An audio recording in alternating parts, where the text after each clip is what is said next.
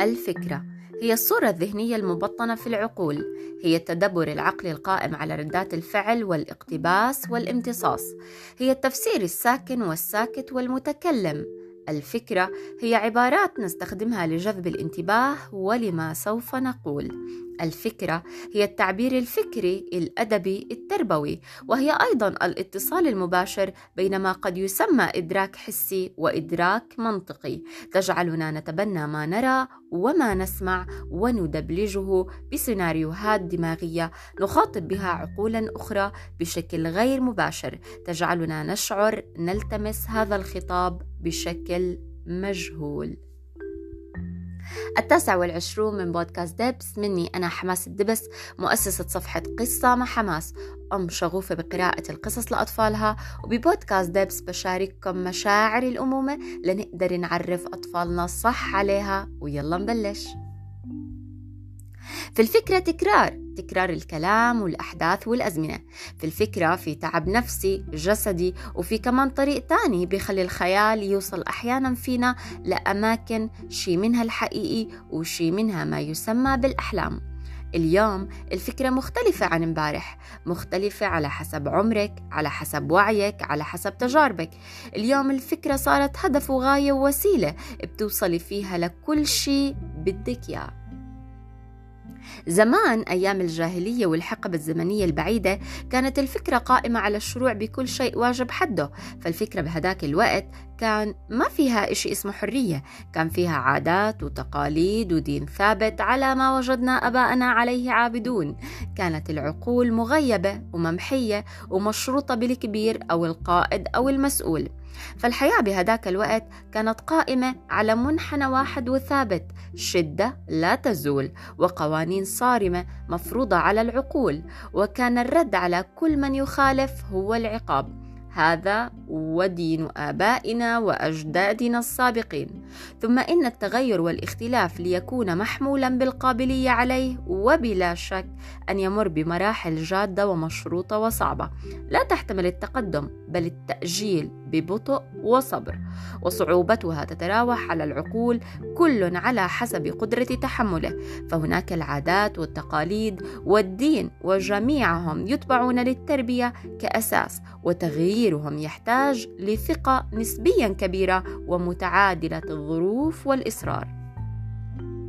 إذا فالتغيير مشروط إلى حد معقول. فماذا عن التغير؟ هل هو فكري فقط أم نفسي أم منطقي؟ ماذا عن كونه جيد يحمل الكثير من الأفكار غير المعتاد عليها؟ فالسؤال أيضا يستحق التفكير. بس اليوم نحن مختلفين تماما بكل شيء. مين فينا ضل يشبه حاله وهو صغير؟ مين فينا ضلت أفكاره زي ما هي وضل عليها ماشي لوقت طويل كتير؟ مين فينا الأمومة ما شدتها من إيدها وخلتها تتغير كمان كتير امبارح كنت بسمع بخواطر الفجر للدكتور مصطفى حسني كان عم يشرح منطق صعب للدماغ فهمه وعم يحكيه بشكل مبسط وسهل من ضمن الشغلات في الشرح لفت نظري سؤال آه، انسأل الإمام أحمد بن حنبل قالوا له متى يرتاح الإنسان؟ قال في أول خطوة له في الجنة مم. الصراحة استوقفتني هذه العبارة اللحظة. وفكرت هالفكرة هي التفكير اللي بيدخل على الدماغ من حاسة السمع. إنه نحن بحياتنا ويومياتنا وتجاربنا كأمهات كل موقف بناخده باعتداد نفسي كبير. نحن مثلا بنقول عن تربيتنا قديش فخورين فيها وقديش فخورين بحالنا. وإنه مواقف بتمر فينا بتخلي غيرنا يمدحنا بكلمة حب أو حنية أو طوطب أو طبطبة أو شكر من ناس بنعرفهم وناس لأ. والمدح هاد بدخل على هالفكرة مثل السيف بخليها تلمع لمع واعتزازنا بحالنا بزيد وممكن بلحظة ننسى الهدف والغاية من الأفكار. لازم نتذكر إنه غاية الأفكار المزروعة بدماغنا أكبر أكبر بكتير ونوقف فيها بهذا الزمن ونخلي شعور السعادة هو المسيطر بهذا الوقت. صراحة المشاعر بتتخربط شوي. هالغاية هي أول خطوة بالجنة وهاي الخطوة هي الحياة اللي ما بنعرفها فكيف نقدر نوازن بين الحب للغايات الكبيرة؟ ده الشيء نحن ما بنعرفه. هالتفكير خلاني أراجع أفكار قليلة بدماغي. واحدة منها هي المقصد. والمقصد هون هو الهدف والطريق. والطريق شو يعني؟ يعني اليوم لما تحكي أنا بتعب أنا بربي أنا ببني وبأسس ظاهريا إنه بتفكري هذا هو الهدف من الأمومة هو كمية تعبي بس بالحقيقة هو كل شعور بتحسيه بالتربية وخصوصا إذا كان إيجابي فهو هدية من ربنا وطبطبة على إنه لازم تكملي بدون أفكار نرجسية.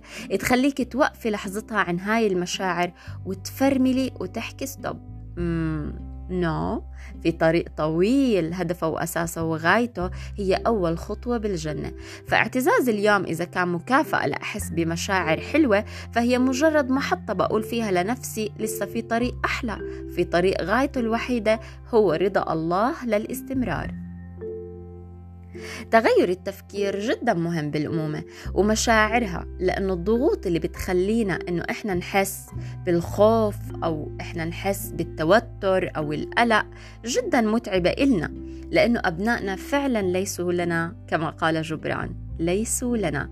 نحن فقط وسيلة لعبورهم في هذه الحياة بشكل أسهل وأبسط. نحن وسيلة لجعلهم أفضل نسخ جسدية ونفسية منهم ولهم. أما الجزاء وأما الثواب فهناك في أول خطوة. هاي كانت الحلقة التاسعة والعشرون من بودكاست دبس وبحكي لك زي ما بحكي لك كل يوم. بتمنى لك يوم مليان كل الحب.